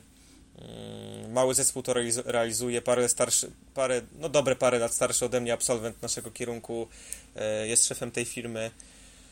Y, no wiesz, możliwości jest dużo i generalnie robotyka to jest to jest przyszłościowy sami zauważyliście, temat, to jest przyszłościowy temat. Sami zauważyliście w jednej rozmowie o zawodach, które zostaną zastąpione e, jakby sami nie wiemy, e, jeżeli będziemy dbać o to, żeby cały czas się rozwijać e, i nie, nie zaspać tego rozwoju świata, to sami nie wiemy, do czego te studia nas w tym momencie przygotowują, te, te, te, nasze studia automatyki i robotyki, bo my, znając podstawy klasycznej automatyki i klasycznej robotyki, możemy, mając te podstawy, możemy, mi się wydaje, że potem za jakieś 10 lat zajmować się robotami, e, które w tym momencie jeszcze nie, nie istnieją albo istnieją w laboratorium NASA czy, czy, czy a, e, jakiejś marynarki wojennej. Kompletnie nowe technologie, do których mamy dostęp, żeby się ich nauczyć bardzo dużo y, ofert pracy jest. Na przykład Centrum Karier AGH y, ma bazę ofert pracy y, w, przypisanych do konkretnych kierunków i czy na przykład mechatronika, czy automatyka i robotyka, czy teraz przemysłowa i robotyka, bardzo dużo ofert pracy. Tysiące, przed pandemią tysiące ofert pracy w całej Polsce do dyspozycji absolwentów, więc to, to, to, to no. w tym temacie właśnie tak, takiego wyboru tej drogi po studiach, to po pierwsze zapisałem sobie minutę e, na, na moim dyktafonie, co, kiedy powiedziałeś to zdanie, że, bo chcę po prostu sobie tam później zanotować, że jeżeli teraz wybierzemy już pewną drogę, to to spowoduje, że to zamknie wiele innych dróg. Znaczy ja nie mówię, że to jest ogólna prawda dla Słuchaj, wszystkich, wiadomo, ale... wiadomo, to, to jest nasza pra twoja prawda, nasza prawda, nie musi być prawda innych, ale to jest takie zdanie, które do mnie trafiło, bo faktycznie to jest takie podsumowanie tego, co ja też uważam, że, że wybór, e, co, co nie ukrywam, ten pierwszy rok studiów, yy, osoby, które poznałem na tym pierwszym roku studiów, włączając w to niesamowitych profesorów, pokazało mi właśnie taki obraz, że podejmowanie decyzji, ok, teraz będę robił to do końca życia, nie jest do końca dobre, że, że świat zmienia się teraz tak szybko, e, ta pandemia nam to pokazała. Po raz pierwszy w historii ludzkości byliśmy w stanie e, żyć bez budynków pracy, byliśmy w stanie żyć tutaj, w domach. Nigdy czegoś takiego nie było, jest to po raz, jest to po raz pierwszy i to pokazuje, że będą jeszcze, będzie jeszcze wiele innych rzeczy, które będą po raz pierwszy. I my po prostu teraz, ucząc się tak jak ty, robisz wiele z, e, rzeczy z różnych dziedzin. To nie, jest, to nie jest jedna dziedzina, prawda? No, umówmy się, pianino, koła naukowe, córeczka. Nawet ta córeczka jest w stanie rozwinąć cię tak bardzo, że nikt nie jest w stanie sobie tego wyobrazić, jak, jakby twój rozwój teraz się dalej potoczy, prawda? I, wy... I nikt nie jest w stanie przewidzieć dokładnie jakby co, co, co ta córeczka mi w życiu dokładnie da, nie? Tak. Jakichś takich fajnych fajnych momentów, nawet nie rodzinnych, tylko w ogóle tak, jakby, tak. nie? Jakby życiowych. No i, i idąc dalej, że... Yy teraz to, to zmienia się tak szybko, że ja nawet nie wiem, czy jeżeli ja powiem sobie, dobra, chcę robić to, to ja skąd mam wiedzieć, że za dwa lata to jeszcze będzie, ten zawód? Może być tak, że za dwa lata ten zawód będzie już zmieniony albo będzie niepotrzebny. Teraz po prostu poznałem na przykład taki zawód, to się nazywa e, Ghost Worker, to jest taki jakby... No, e, nie będę teraz tego jakby tłumaczył, ale to zostało stworzone niedawno, taki zawód, taki jakby pracownik duch, można powiedzieć. I on, te, i ten zawód zaczyna jakby coraz bardziej prosperować, zaczyna być takim coraz bardziej, jakby to powiedzieć, e, uniwersalnym. I ja nigdy nie wiedziałem, że coś takiego istnieje. I teraz jest wiele nowych zawodów, które powstają. Ludzie, wiesz, mówią, że dobra, kończą się te zawody i nie będziemy, nie będziemy mieli pracy, kończą się pewne zawody i pewne się zaczynają. I my, jako osoby, które są na studiach i zaraz będziemy przekraczać próg studiów, że będziemy wychodzić, E, to my będziemy tworzyć te zawody. To my będziemy odpowiedzialni głównie, znaczy no nie głównie tak, ale to my będziemy też w jakiś sposób wpływać na to, jakie zawody, jakie miejsca pracy będą na rynku. I my po prostu będziemy wchodzić w to e, z taką wiedzą, jaką zdobyliśmy nie tylko ze studiów, ale też z takich kół, jakich, na przykład do jakich ty należysz. Każde pokolenie chce zmienić coś. tak, dokładnie tak, słuchaj. Dokładnie tak. I teraz to przez, to przez tą pandemię, myślę, że głównie przez tą pandemię, to właśnie osoby, które teraz będą wychodzić z tych studiów, mogą dużo zmienić. Bo najgorsze, najgorszą rzecz, jaką można zrobić, to jest wrócić do tego, co było.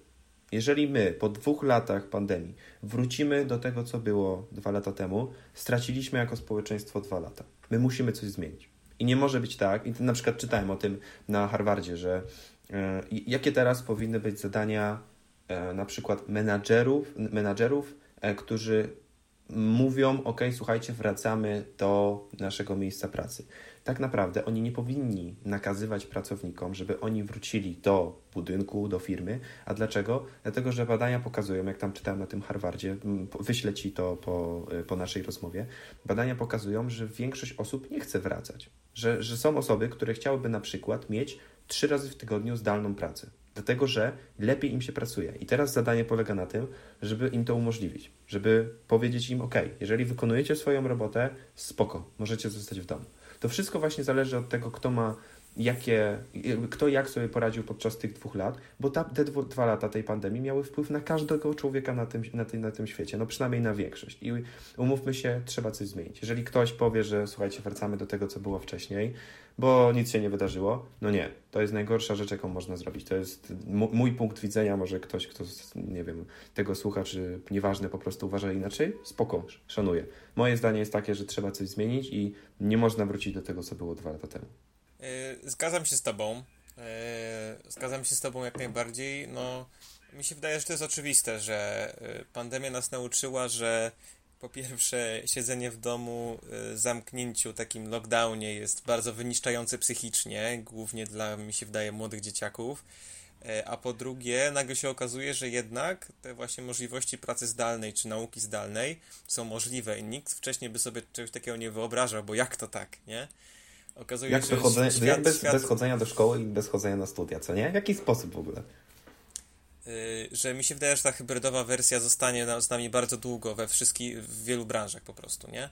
Yy, I, I może jak chodzenie do podstawówki czy do gimnazjum, o nie, nie ma już gimnazjum, czy do liceum, yy, czy do liceum, wiesz, stacjonarnie ma jak najbardziej sens, nie? Jakby, bo to jakby klucz jest w uspołecznianiu ludzi, ale na przykład czy w pracy, czy na, naprawdę to, to, zdalna wersja wielu rzeczy jest bardziej optymalna, bardziej rozsądna i z wielu powodów po prostu lepsza. Ludzie nie mieli takiej świadomości i mi się wydaje, że y, jacyś tam dyrektorzy czy osoby, osoby decyzyjni y, nie chcieli tego zmieniać, bo, bo jakby po co testować czegoś, co nie wiadomo jak wyjdzie. No a teraz mamy boom.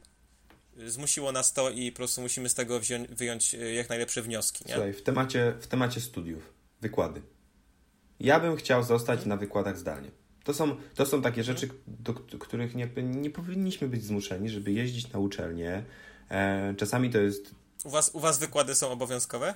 E, wiesz co, to zależy od przedmiotu. Niektóre tak, niektóre nie. No to u nas żadne nigdy. To jest u nas taki statut, że żaden wykład nie może być obowiązkowy. Aha, czyli po prostu ty decydujesz sobie, dobra, będę chodzić w tym miesiącu, e, czy w, te, w tym semestrze, albo nie, w ogóle odpuszczam i nie muszę w tego chodzić, tylko trzeba zaliczyć. Tak, to jest, to jest twoja sprawa i u nas wykłady nie są obowiązkowe z, z, z regulaminu po prostu. Ożeż ty, to ja nie wiem, ja muszę u nas przeczytać regulamin, bo... Ale wiesz, często, często po prostu y, niechodzenie na wykłady to jest strzał w stopę, ale czasami y, niechodzenie na wykłady, nie obrażając niektórych prowadzących, to jest najlepsza możliwa decyzja, bo są niewnoszące nic, no ale niestety zawsze się znajdzie jakiś taki tak, przedmiot. Tak, a, a z niektórych przedmiotów jest tak super ciekawe, że aż musisz iść nawet hobbystycznie, a z niektórych przedmiotów jak nie pójdziesz i tego nie nadrobisz, to strzał w stopę i nie zdasz egzaminu, nie? Więc jakby to są różne sytuacje. No ale wracając do tego, co mówiłeś, przepraszam. E... Mówiłeś o y, zdalnych tak, wykładach, tak, tak, nie? Tak, tak, tak, tak. Ja mam mieszane uczucia co do tego. Mm, bo widzę, jak wiele prowadzących, którzy byli świetni na żywo, ma teraz. Nie wiem, jak to powiedzieć. Nie, powiem, że problemy psychiczne, ale. Yy, nie radzą sobie z tym. Mega, jest, ich, jest im mega ciężko yy, nie mieć studentów przy sobie. Ci prowadzący z pasji, którzy. Yy, którzy y, lubili, jak student się zgłasza, jak student dopytuje, jak widzi, że studentów to interesuje, a nie, że mają włączony telefon i idą sobie pod prysznic. Mi się wydaje, że to utrudnia im pracę bardzo E, I wiesz, takie zmuszenie, zmuszenie, nie zmuszenie, no bo jakby wykłady nie są obowiązkowe, ale taki moment, w którym te wykłady są na uczelni, też ma dużo plusów. I to jest bardzo, bardzo. Yy, tutaj polemika się otwiera, i ja mam mieszane uczucia i nie mam twardego zdania na ten temat. Czy wykłady powinny być takie, czy takie, czy hybrydowe, czy do wyboru, czy cokolwiek. Nie mam zdania. Ja, bardzo zależy od sytuacji. Ja właśnie nie patrzyłem, powiem Ci, na tą sytuację z takiej perspektywy tych profesorów, co oni mieli wcześniej, jak oni patrzyli na to wcześniej, no bo dla mnie to jest pierwszy rok i ja nigdy nie byłem nawet w budynku naszej uczelni. E, nigdy nie poznałem żadnego profesora, tak naprawdę poznałem tylko dwie moje koleżanki z kierunku i tyle. Nie? To, to, jest, to jest wszystko. Nie miałem jeszcze takiej możliwości. Masakra. Tak, więc, więc dopiero teraz, jak po wakacjach, czy to podczas wakacji spotkam się ze znajomymi, a po wakacjach dopiero jak zaczniemy drugi rok, to e, spotkam tych profesorów, więc dopiero wtedy poznam ten świat i jak to wygląda, na przykład jak wyglądają te wykłady po prostu na, na żywo, tam w uczelni stacjonarnie. E, Wiesz, że, wiesz, wiesz, że na studiach magisterskich, na studiach inżynierskich w sensie, e, magisterka trwająca półtora roku sprawia, że w tym momencie są ludzie, którzy kończą magisterkę w 100% w pandemii. W tym momencie są ludzie, którzy yy, zaczęli semestr yy, letni tak naprawdę w pandemii i właśnie kończą bronią pracę magisterską w czerwcu i nie byli na uczelni ani razu. Nie, że rok, nie, wiesz, nie, że tak, rok, tak. jeden czy dwa lata studiów, tylko całe studia drugiego stopnia w 100% zdalnie. Mów dalej. Nie, ale to, to, jest, to jest coś, co pokazuje, ej, da się. W sensie, dla wielu ludzi to jest katastrofa, ale dla wielu ludzi nie. Umówmy się, są osoby, które po prostu są w stanie sobie poradzić, wolą tak. I ja na przykład, słuchaj, e, z mojej perspektywy, dzięki temu, że ja mam studia zdalne, łączę to. Naprawdę kierunek business management w moim przekonaniu był najlepszym wyborem, jaki mogłem e, dokonać. Oczywiście nie wybrałem innego, więc nie mam perspektywy, ale mówię, że jestem bardzo po prostu zadowolony z tego kierunku. Łączę to na przykład z naszym podcastem Student Stock, łączę to z pracą, łączę to jeszcze z tym, z tym, z tym i z tym. E, I to mi pokazuje, że gdybym miał stacjonarnie, pierwsza rzecz, z której musiałbym zrezygnować, to jest praca Druga rzecz, której musiałbym poświęcić prawdopodobnie mniej czasu, to jest na przykład ten podcast. Więc to oczywiście utnie parę dróg, ale też wiele dróg otworzy, bo poznam ludzi, poznam inne patrzenie na świat i może ktoś coś zaproponuje, może ktoś coś, coś tam. No, ja jestem gdzieś tam, obracam się wśród ludzi, można powiedzieć w cudzysłowie biznesu, tak, no bo po to tutaj poszliśmy. Już wiele osób poznałem tak po prostu przez kamerkę, którzy, którzy planują pewne swoje biznesy, planują coś jakąś innowację wprowadzić do naszego polskiego biznesu, więc cieszę się, że mam kontakt z takimi osobami, ale zobaczymy, jak to będzie na żywo. To będzie szok, taki po prostu wow. Widzę ich po raz pierwszy, no. Y, do takiej refleksji mnie na, nakłoniłeś. Y, od momentu, kiedy zaczęła się zdalna nauka, a jestem osobą, która. Y, to jeszcze tak szybko wspomnę, bo wcześniej chciałem to powiedzieć. Ja jestem tą osobą, która ma problem z, z odpoczywaniem. Jestem tą osobą, która ma problem, żeby sobie powiedzieć: OK, ten dzień jest yy, wolny, żadnych obowiązków, odpoczywam. Wcześniej, żebym odpoczął, yy, to jest strasznie toksyczne i złe, ale musiałem sobie w kalendarzu wpisać albo w głowie gdzieś ustalić, że moim taskiem na wtorek jest odpoczynek. I tego taska trzeba zaliczyć, żeby zadbać o zdrowie psychiczne. Wiesz o co chodzi. I, I to jest, do tego stopnia czasami to było. I uwaga, w momencie, kiedy urodziła się Łucja i przyjechały sobie do domu, yy, to ja nie mam tego problemu. Ten problem zniknął. Ponieważ ja nie mam żadnych wyrzutów sumienia w momencie, kiedy odpuszczam moje zawodowo, y, koło naukowo-studiowe obowiązki e, i spędzam czas z Asią, spędzam czas z Łucją, czy spędzam czas z Asią i z Łucją. Nie mam żadnych wyrzutów sumienia, e, bo jakby totalnie chcę to robić. Nie mówię, że z Asią nie chciałem tego czasu spędzać, ale miałem na myśli jakiś taki odpoczynek, jakiś taki samotności na przykład, nie? Czy pogranie w jakieś gry. E, bo z Asią wiadomo, że ten czas spędzałem. Mm, a teraz e, o wiele łatwiej mi odpocząć dzięki temu, że mam tak naprawdę rodzinę. E, I, i w 100% ten problem zniknął. To mogę ci od razu powiedzieć, tak tylko, nie? A, a chciałem powiedzieć o tym, że jak, jak walnęła pandemia i nie robiliśmy nic i układaliśmy przez miesiąc puzzle w domu, to zachorowałem na.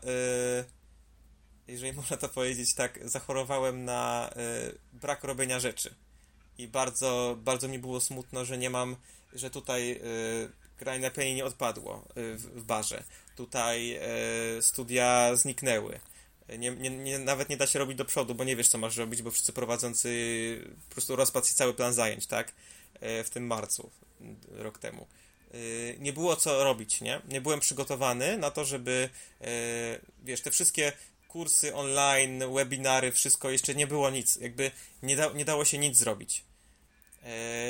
I w pewnym momencie, jakby wiesz, samoczynnie zacząłem wypełniać te nisze. Nawet jak wróciły te regularne zajęcia zdalne, to tak jak sam mówisz, było więcej czasu tak czy siak porównaniu do e, tego sytuacji, gdy, gdyby były stacjonarne. Więc mi się wydaje, że ten wybuch, ta rekrutacja do AGH Space Systems i cała reszta takich rzeczy e, dodatkowych wynikł właśnie z tej pandemii. E, gdyby nie było zajęć zdalnych, to ja bym nie robił tylu rzeczy, bo bym nie miał na nie czasu. I boję się, że jak od października wszystko na to wskazuje, pójdziemy na uczelnię, to boję się, że z niektórych rzeczy będę musiał zrezygnować, strach nie strach, po prostu będę musiał zrezygnować na rzecz, tak jak ty mówisz, spotykania ludzi i robienia innych fajnych rzeczy na uczelni. Co nie zmienia faktu, że e, trzeba będzie pewne decyzje podjąć i z niektórych rzeczy e, zrezygnować, żeby nie zostać tym właśnie członkiem widmo, którym bardzo nie chciałbym zostać, bo to wiesz, jest takie średnie. Mhm. Tak, tak, tak, tak, tak, tak. Ten... Jak zamykać jakiś etap, to wiesz, trzeba podjąć decyzję. No na przykład trzymałem bardzo długo umowę z tym barem. E, rozwiązałem ją dopiero dwa miesiące temu. E, po niegraniu, wiesz, umowa zlecenie, która była martwa przez, przez rok. Mhm. E, bo miałem nadzieję, że coś. Nie, nie, nie, nie, trzeba po prostu kończyć, nie? Jak coś potem wyniknie, to rozstałem się z nimi w przyjaźni i jak tylko się odbiją z, z kryzysu, to bardzo chętnie mnie zaproszą do grania znowu. Mhm, tak. No, słuchaj, ta, ta pandemia była mm, taką, takim elementem, który dawał wiele okazji do rozwoju, wiele okazji do nowych rzeczy, ale tylko dla osób, które tych okazji szukali. No, mówmy się, to nie, nie było dla wszystkich osoby, które nie były przygotowane psychicznie, mentalnie do tego, że będą musieli żyć w domu. Było im ciężko, prawda? Nie, był, nie było może wokół nich osoby, która pokazała im, że się da. Może tam naprawdę były takie problemy też rodzinne, żyć pod jednym dachem w tyle osób. Dobra, ale nie trzymajmy tego tematu pandemii, bo po prostu wszyscy już pewnie żygają tym i, i umówmy się, tego jest strasznie długo. E, po, wcześniej poruszyłeś jeszcze temat tego stypendium e, naukowego. E, przepraszam cię, nie tylko tego, ale też tej pracy inżynierskiej, e, gdzie wygra- zostałeś laureatem konkursu. Tak, zgadza się. E, stypendium naukowe było takim celem moja dziewczyna Asia ma brata, który jest od niej dwa lata starszy, ode mnie rok młodszy i studiuje kierunek mechanika i budowa maszyn na tym samym wydziale co ja. Y, I on po pierwszym roku i chyba po drugim też y, dost... mieszkamy sobie razem w ogóle teraz z Łucją. W ich domu rodzinnym rodzice Mikołaj i Asi się przeprowadzili do Francji jakiś czas temu. Mieszkamy sobie sami. I on dostał z pierwszego roku chyba i z drugiego stypendium naukowe. I ja, wiesz, żyłka mi pękała po prostu, bo ja nie dostawałem, bo miałem strasznie słabe oceny na początku studiów. Miałem same truje i 3,5 i to był maks, co, co miałem z tych matematyk, chemii, fizyki i tak dalej. E, I, i, I żyłka mi pękała, no żartuję oczywiście, jakby nie porównuje się, ale y, bardzo chciałem, zapragnąłem, bo jestem człowiekiem, który lubi y, mieć cel i go osiągać. Y, mój tata kiedyś powiedział, że jak się rozwijasz, jakby dowodem rozwoju jest to, że co chwilę zmieniają ci się Monteveresty. Że nagle twój Monteverest sprzed roku jest górą, na którą sobie wchodzisz spontanicznie raz w miesiącu. E, więc to bardzo mój tata tak mi przemówił do rozsądku i ja bardzo po sobie widzę to dzień w dzień, że te Mont Everesty się zmieniają. Kiedyś, e, jak ja wybierałem promotora na początku siódmego semestru, bardzo późno, e, wybierałem promotora, szukałem promotora, bo zmieniałem temat swojej pracy przejściowej, która zwykle z szóstego semestru jest kontynuacją potem do pracy inżynierskiej, a ja zmieniłem. Skończyłem pracę przejściową i chciałem zacząć coś od nowa, więc musiałem znaleźć od nowa opiekuna pracy bardzo wiesz, patrzyłem na te plakaty na korytarzach uczelni, na konkurs na najlepszą pracę inżynierską naszego wydziału i bardzo zamarzyłem, żeby tam się dostać, żeby, wiesz, w ogóle wziąć udział w tym konkursie. I to był dla mnie Mount Everest wtedy. Bo to był dla mnie cel najwyższy i po prostu definicja sukcesu życiowego. Yy, więc promotora wybierałem, yy, sugerując się ilością nazwisk na yy, laureatach sprzed lat i wybrałem promotora, który w ogóle zrobi, zrobiłem sobie taki śmieszny casting. 10 promotorów wybrałem, 10 nazwisk i napisałem do każdego z nich, wiedząc, że jest za późno i wszyscy będą mi odmawiać i że mój temat, y, mój temat własny, który wymyśliłem jest beznadziejny. Okazało się, że 3, 3 czwarte się zainteresowało i w tym momencie miałem taki moment, gdzie było odwrotnie. To nie student walczył o promotora, tylko nieświadomie zrobiłem im casting. To, co było strasznie głupie z mojej strony, ale naprawdę myślałem, że nikt się nie zgodzi, że, że będę kompletnie w dupie i nie, nie będę miał promotora. Ale y, okazało się, że z paroma się spotkałem, z paroma też online gadałem. Wybrałem tego, który najbardziej odpowiadał mi jako człowiek, bo bardzo mi zależało na tym, żeby mieć fajną relację z promotorem. Wybrałem najlepszego, jak, jakiego tylko się dało. Z perspektywy czasu to był najlepszy wybór chyba z całej uczelni, serio, dla mnie, y, z tych wszystkich y, różnych pracowników, doktorów habilitowanych. E, gość jest świetny. E, I e, napisałem tą pracę, zbudowałem tego. Pokażę ci, wiem, że na Spotify'u, znaczy na Spotify'u tutaj jakby nie ma, nie ma kamerek, ale, ale to tobie pokażę. Zbudowałem tego robota. Mhm. To. I, i napisałem Słuchaj, o Przepraszam pracę, cię, i... wyślij potem zdjęcie, to może pomyślimy coś nad tym, żeby tam coś, coś, coś wymyślimy. Dobra. Dobra, dobra. W ogóle wiesz, że swoją drogą y, ruszam social mediami tego projektu, bo chcę go rozwijać i chcę, chcę cisnąć, więc swoją drogą to też tam możecie coś tam, jak, jak was z, zainteresuje, jak zaraz będę o tym e, opowiadać. E, I tak, e, obroniłem tą pracę na piątkę. To był warunek uczestnictwa w, w konkursie. I w tym roku rekordowa liczba prac została zgłoszona do konkursu. Na 300 obronionych prac na wydziale 54 dostały się do konkursu. Czyli 54 było obronione na piątkę.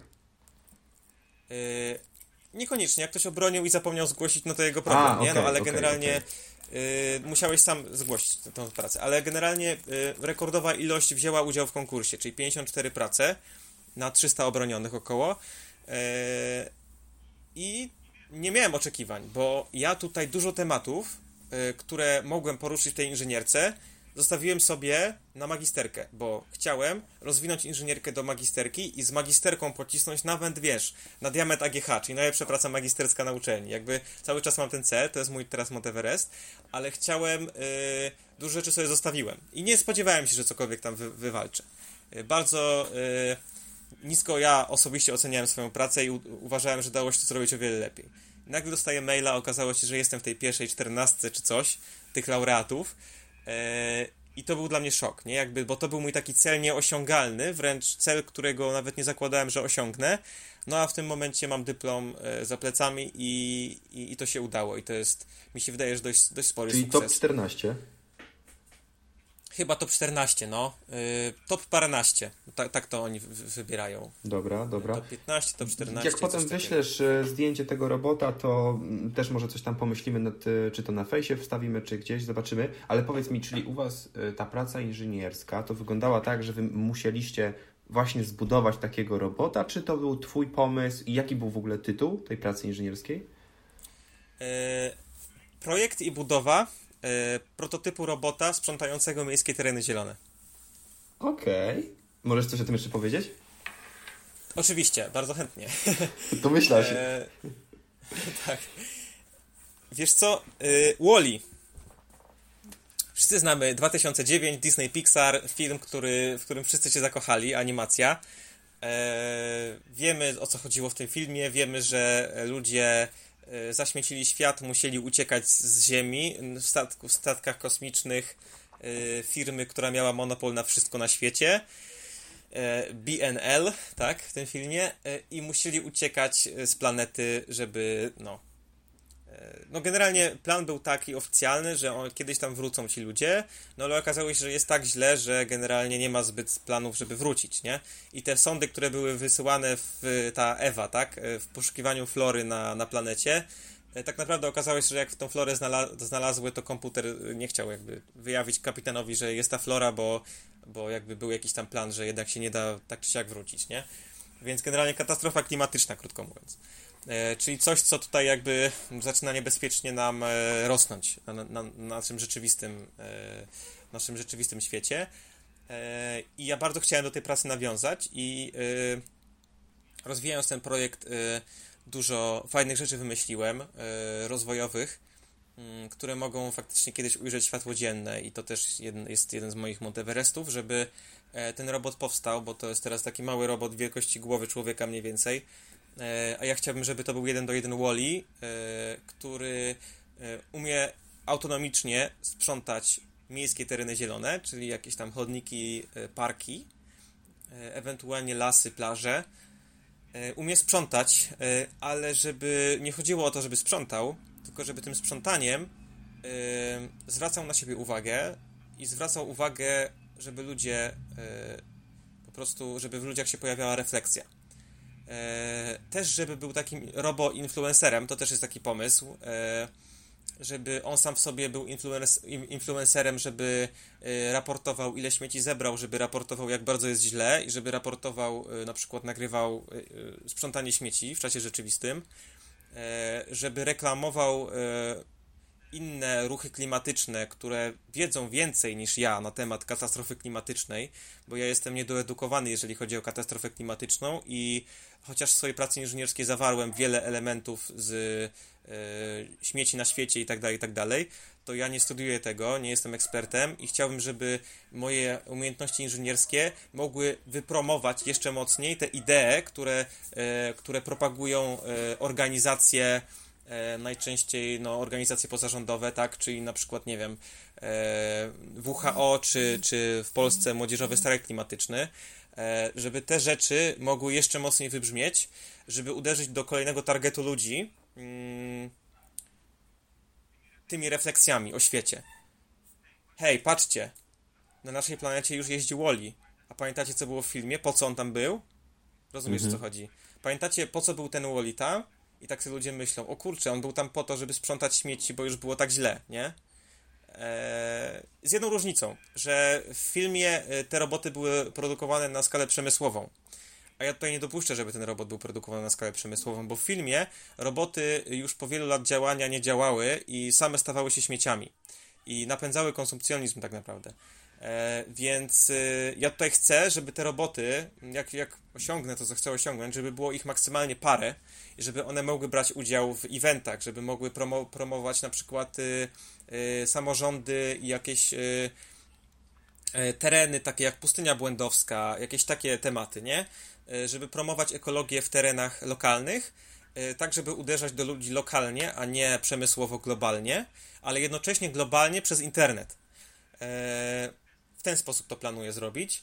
E, I to jest duże zadanie, bo taki robot y, sprzątający śmieci to jest jakby ranga takiego łazika y, Kalmana naszego planetarnego, tylko że ja tutaj jestem sam. A dlaczego jestem sam? I dlaczego nie robię tego z żadnego koła naukowego? Bo robiąc to z koła naukowego, prawdopodobnie pozyskałbym finanse z uczelni. A pozyskując finanse z uczelni, bardzo wiele dróg się zamyka dla projektu i dla twórcy projektu w przyszłości, jak już chce kontynuować poza uczelnią. I stąd y, wymyśliłem crowdfunding y, i jak tylko skończę ten piekielny semestr i stam tą piekielną sesję i już nie będzie aż tak źle, to w te wakacje wreszcie zajmę się tym porządnie, żeby zacząć rozwijać ten projekt na poważnie, żeby zbudować fanbase dookoła tego projektu. Jest już Instagram, jest już Facebook tego projektu, ale jeszcze nikt o nim nie wie. Yy, pierwsze osoby, które się o nim dowiedzą, to są albo wy. Dokładnie chciałem to powiedzieć. Yy, albo jeszcze jakiś czas temu udzieliłem wywiadu yy, w takiej małej, nie wiem, czy można powiedzieć gazecie, no generalnie ekologiczny fanpage mojego liceum, którego jestem absolwentem i tam już jest post gotowy i czeka na publikację e, i chcę zobaczyć, jaki jest efekt po ich publikacji, chcę zobaczyć, jaki jest efekt na przykład po waszej, po tym Spotify'u, ile osób to przesłucha. A wyślesz nam, sobie, słuchaj, właśnie sobie. potem linki, informacje do tego? Tak, wszystko, wszystko powysyłam. Chodzi o to, żebym sprawdził efekt tego, jak, jak to wygląda, a dopiero potem rzucę to do siebie, do tych swoich znajomych yy, i, i zacznę to promować jako osoba, wiesz, po prostu yy, wśród moich znajomych, bo moja rodzina nie wie o tym też nic. Asia o tym wie, ale jeszcze nie dostała linka, bo chcę po prostu jeszcze to, wiesz, chcę poczekać na dobry start. Yy, I po prostu zamierzam oprzeć swoją pracę magisterską i późniejszą drugą inżynierską. Mówiłem, że studiuję drugi kierunek? A, okej. Okay. E, drugą inżynierską pracę. Studiuję teraz mechatronikę też. Na drugim semestrze jestem pierwszego stopnia. E, na pierwszym roku. Eee, ale to jest trochę pis na wodę, wszystko mi się przepisuje na razie, potem będzie ciężej. Eee, nieważne. w każdym razie będzie za e, 2,5 roku druga praca inżynierska i też chcę e, ją oprzeć o to, o ten projekt. E, I bardzo chciałbym go rozwinąć tak, żeby on serio się udał, żeby nie trafił do szuflady, e, żeby trafił w obieg. E, I, I chcę, żeby to działało. Chcę, żeby to był robot fizycznie i chcę, żeby e, moje pierwsze lata po studiach opierały się bardzo mocno na tym, na tym, na tej idei. Nie, nie wykluczam startupu, nie wykluczam yy, dotacji unijnych, nie wykluczam niczego takiego. Nie wykluczam prawa patentowego.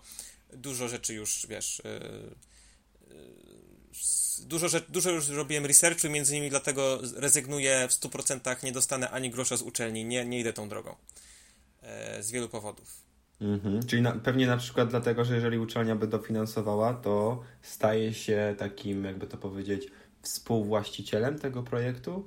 Jak podpisujesz umowę o grant rektora, e, to podpisujesz umowę z rektorem jako osoba prywatna, że zrzekasz się praw e, komercjalizacji projektu. Uuu zrzekasz się praw autorskich, to jest naj, największa rzecz, którą możesz zrobić, bo prawa autorskie to są prawa autorskie i nawet pisząc pracę inżynierską o czymś, ty jesteś autorem pracy inżynierskiej, e, nawet jak e, mm, to jest praca na jakiejś uczelni, to ty jesteś własny, ty, ty, dopóki nie podpiszesz takiej umowy, to ty jesteś włas, właścicielem utworu, który wykonałeś. E, I taka umowa jest naj, najmocniejsza, jeżeli chodzi o zrzekanie się takich praw bo tu chodzi o to, że de facto łazik marsjański e, Space Systems e, jest własnością uczelni. E, dron załogowy e, Newtech AGH, drugie moje koło, e, też jest własnością uczelni. Mhm. Więc... Mhm. Zaciekawiłeś mnie tym tematem. W sensie tego, tego też tym, że tych... Są, są, są, wiesz, są wyjątki, e, są wyjątki, wiem, że są wyjątki, ale temat jest bardzo skomplikowany, bo na przykład uczelnia może zapłacić ci za patent. Patent jest drogi. E, może ci zapłacić za patent i wtedy wiesz, trzeba to jakoś wykalkulować. Uczelnia może ci zapłacić za pomoc prawną, w razie czego, e, jeżeli się z nimi dogadasz. E, no ale ja chcę, ja nie chcę się z nimi dogadywać. Jakoś tak na tyle wysłuchałem, spotkałem się z paroma ekspertami i po prostu w kontekście mojego projektu to nie jest ta droga, którą chcę iść. Mm, słyszałem też o spółkach, które muszą płacić regularnie uczelni procent od zysków firmy. Z tego powodu na przykład. Aha, czyli to, aha. Okej, okay, to też teraz buduję pewien obraz, bo też miałem jakieś tam plany, ale dobrze, to, to w takim razie po tej rozmowie z Tobą przemyślę. Zanim to. zaczniesz działać, trzeba bardzo mocno y, przewidzieć każdą możliwą sytuację i, mhm. i jakieś takie niuanse prawne bo jak okaże się, że jesteś utalentowany i że robisz fajne rzeczy, to y, nie tylko uczelnia, ale dużo innych osób będzie chciało się pod to podpiąć, bo taki mamy świat okrutny. Więc trzeba bardzo ostrożnie uważać, jeżeli chcesz osiągnąć sukces, bo jeżeli, broń Boże, go osiągniesz, to jeżeli nie uważałeś, to może być problem. Mhm. Bo, bo po prostu wszystkie możliwe podmioty będą chciały się pod ten sukces podpiąć. Ja tak to widzę. Okej, okay, okej, okay. dobra. Janek, słuchaj, mamy godzinę 30. Myślę, że już będziemy kończyć powoli. Czy jest jeszcze rzecz, którą chciałbyś poruszyć? Czy jeszcze jest temat, który po prostu chcesz powiedzieć i, i porozmawiać o nim? Bo już tak naprawdę z e, tej Bardzo... twojej listy, którą wysłałeś, to chyba poruszyliśmy wszystko. No tak, taka, taka lista była. Tak, tak, bo tutaj żeby, też, też żeby nie było, że nie wiem, ty wysłałeś mi listę i rozmawiamy o tym, o tym, o tym, o tym. Nie, tylko po prostu był inny temat rozmowy, znaczy inny plan na tą rozmowę. Postanowiliśmy zrobić to trochę inaczej i tak naprawdę poruszyliśmy każdą, każdą rzecz w formie, myślę, właśnie takiej e, dyskusji, a nie po prostu typowego wywiadu, co nie, że ja ci zadaję pytania, a ty mi odpowiadasz. Nie lubię czegoś takiego. W pierwszej kolejności, w pierwszej kolejności chciałbym bardzo pozdrowić Ubucję Jasie, e, mo, moje najważniejsze, e, najważniejsze e, skarby w życiu.